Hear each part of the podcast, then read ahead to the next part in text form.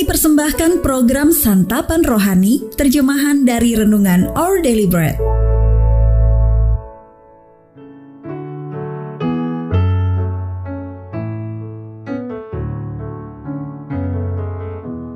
Sahabat Udibi, pembacaan Alkitab hari ini terambil dari Matius pasal yang kelima ayat yang ke-21 sampai dengan ayat yang ke-26. Matius pasal yang kelima ayat yang ke-21 sampai dengan ayat yang ke-26. Kamu telah mendengar yang difirmankan kepada nenek moyang kita. Jangan membunuh. Siapa yang membunuh harus dihukum. Tetapi aku berkata kepadamu, setiap orang yang marah terhadap saudaranya harus dihukum. Siapa yang berkata kepada saudaranya kafir harus dihadapkan ke mahkamah agama, dan siapa yang berkata jahil harus diserahkan ke dalam neraka yang menyala-nyala. Sebab itu, jika engkau mempersembahkan persembahanmu di atas mezbah, dan engkau teringat akan sesuatu yang ada dalam hati saudaramu terhadap engkau, tinggalkanlah persembahanmu di depan mezbah itu dan pergilah berdamai dahulu dengan saudaramu. Lalu kembali untuk mempersembahkan persembahanmu itu. Segeralah berdamai dengan lawanmu selama engkau bersama-sama dengan dia di tengah jalan, supaya lawanmu itu jangan menyerahkan engkau kepada hakim, dan hakim itu menyerahkan engkau kepada pembantunya, dan engkau dilemparkan ke dalam penjara.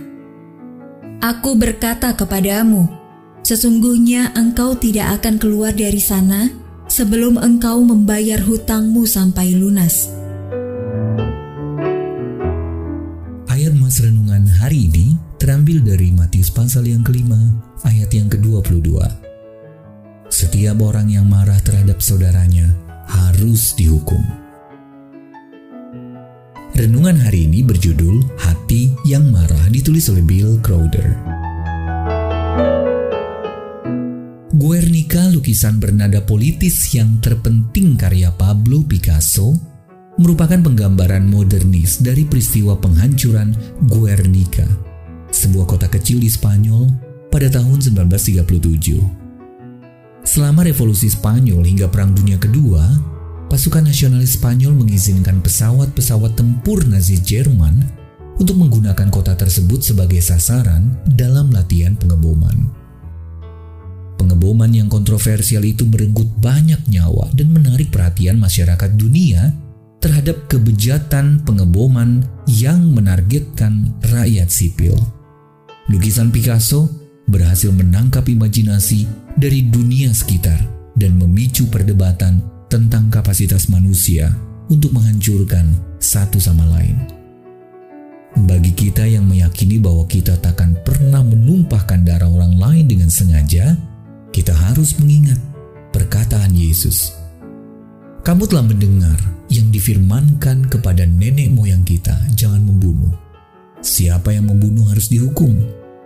Tetapi aku berkata kepadamu, setiap orang yang marah terhadap saudaranya harus dihukum. Hati manusia bisa penuh dengan niat membunuh meski tidak benar-benar melakukan pembunuhan secara fisik.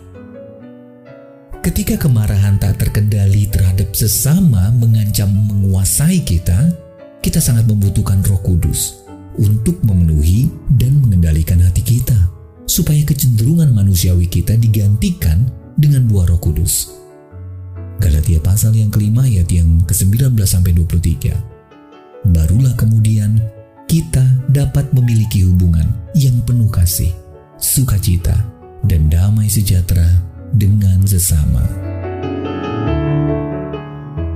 Sahabat Udibi, seberapa sehatkah hubungan Anda dengan orang lain? Lalu bagaimana Anda dapat mengizinkan Roh Kudus untuk menghasilkan buah yang akan lebih menyehatkan hubungan Anda dengan sesama?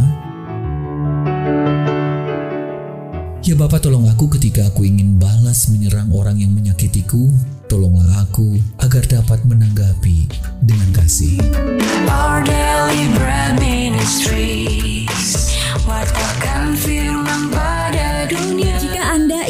Mendapatkan buku renungan ini dalam bahasa Indonesia, Inggris, atau Mandarin, WhatsApp kami di 0878 7878 9978 atau email indonesia@odb.org dan kunjungi website santapanrohani.org.